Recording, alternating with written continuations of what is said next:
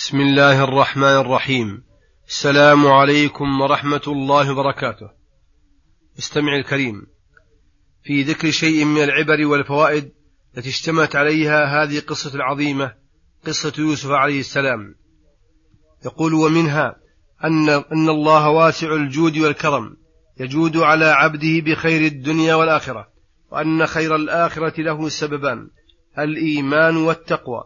وأنه خير من ثواب الدنيا وملكها وأن العبد ينبغي له أن يدعو نفسه ويشوقها لثواب الله ولا يدعها تحزن إذا رأت زينة أهل الدنيا ولذاتها وهي غير قادرة عليها بل يسليها بثواب الله الأخروي وفضله العظيم لقوله تعالى ولأجر الآخرة خير للذين آمنوا وكانوا يتقون ومنها أن جبات الأرزاق إذا أريد بها التوسعة على الناس من غير من غير ضرر يلحقهم لا بأس بها لأن يوسف أمرهم بجبات أرزاق وأطعمة في السنين المخصبات لاستعداد للسنين المجدبة وأن هذا غير مناقض للتوكل على الله بل يتوكل العبد على الله ويعمل الأسباب التي تنفعه في دينه ودنياه.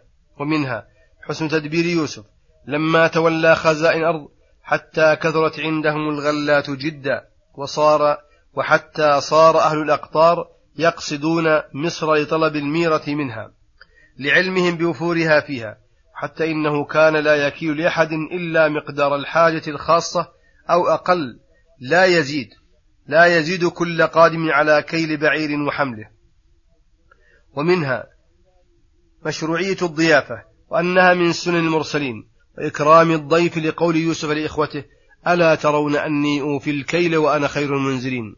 ومنها أن سوء الظن مع وجود القرائن الدالة عليه غير ممنوع ولا محرم.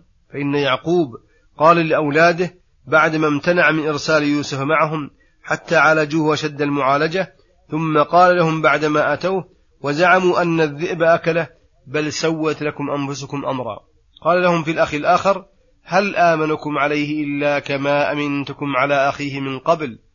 ثم لما احتبسه يوسف عنده وجاء إخوته لأبيهم قال لهم بل سوت لكم أنفسكم أمرا فهم في الأخيرة وإن لم يكونوا مفرطين.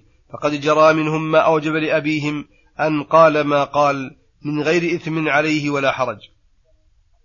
ومنها أن استعمال الأسباب الدافعة للعين وغيرها من مكاره أو الرافعة لها بعد نزولها غير ممنوع بل جائز. وإن كان لا يقع شيء إلا بقضاء وقدر فإن الأسباب أيضا من القضاء والقدر لأمر يعقوب حيث قال لبنيه يا بني لا تدخلوا من باب واحد وادخلوا من أبواب متفرقة. ومنها جواز استعمال المكايد التي يتوصل بها إلى الحقوق وأن العلم بالطرق الخفية الموصلة إلى مقاصدها مما يحمد عليه العبد.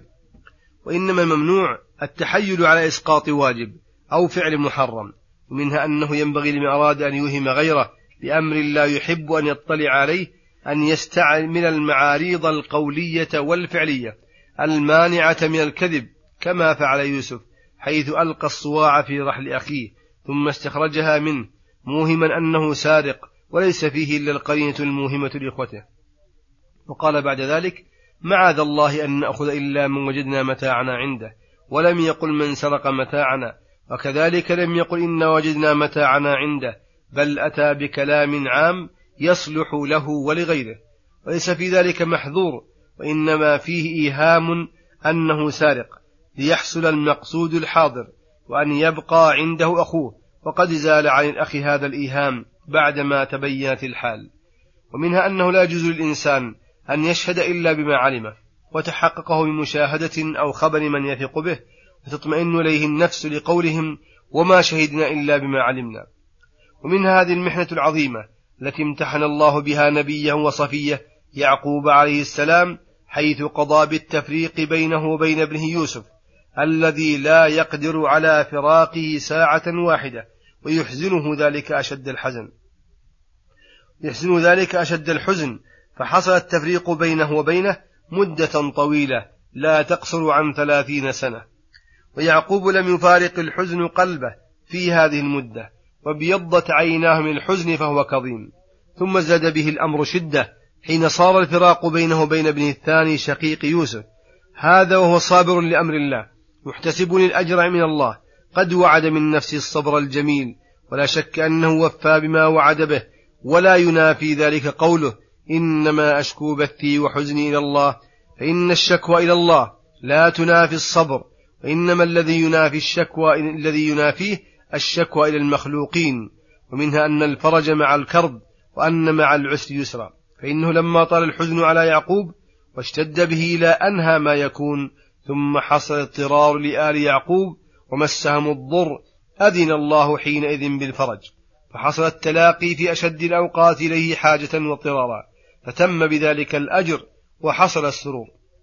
وعلم من ذلك أن الله يبتلي أولياءه بالشدة والرخاء والعسر واليسر ليمتحن صبرهم وشكرهم ويزداد بذلك إيمانهم ويقينهم وعرفانهم ومنها جواز إخبار الإنسان بما يجد وما هو فيه من مرض أو فقر أو نحوهما على غير وجه التسخط. لأن إخوة يوسف قالوا يا أيها العزيز مسنا وأهلنا الضر ولم ينكر عليهم يوسف.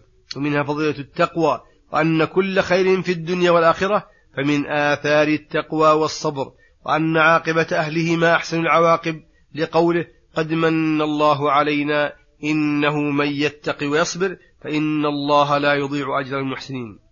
ومنها أنه ينبغي لمن أنعم الله عليه بنعمة بعد شدة وفقر وسوء حال أن يعترف بنعمة الله عليه وأن لا يزال ذاكرا حاله الأولى ليحدث لذلك شكرا كلما ذكرها لقول يوسف عليه السلام وقد أحسن بي إذا أخرجني من السجن وجاء بكم من البدو.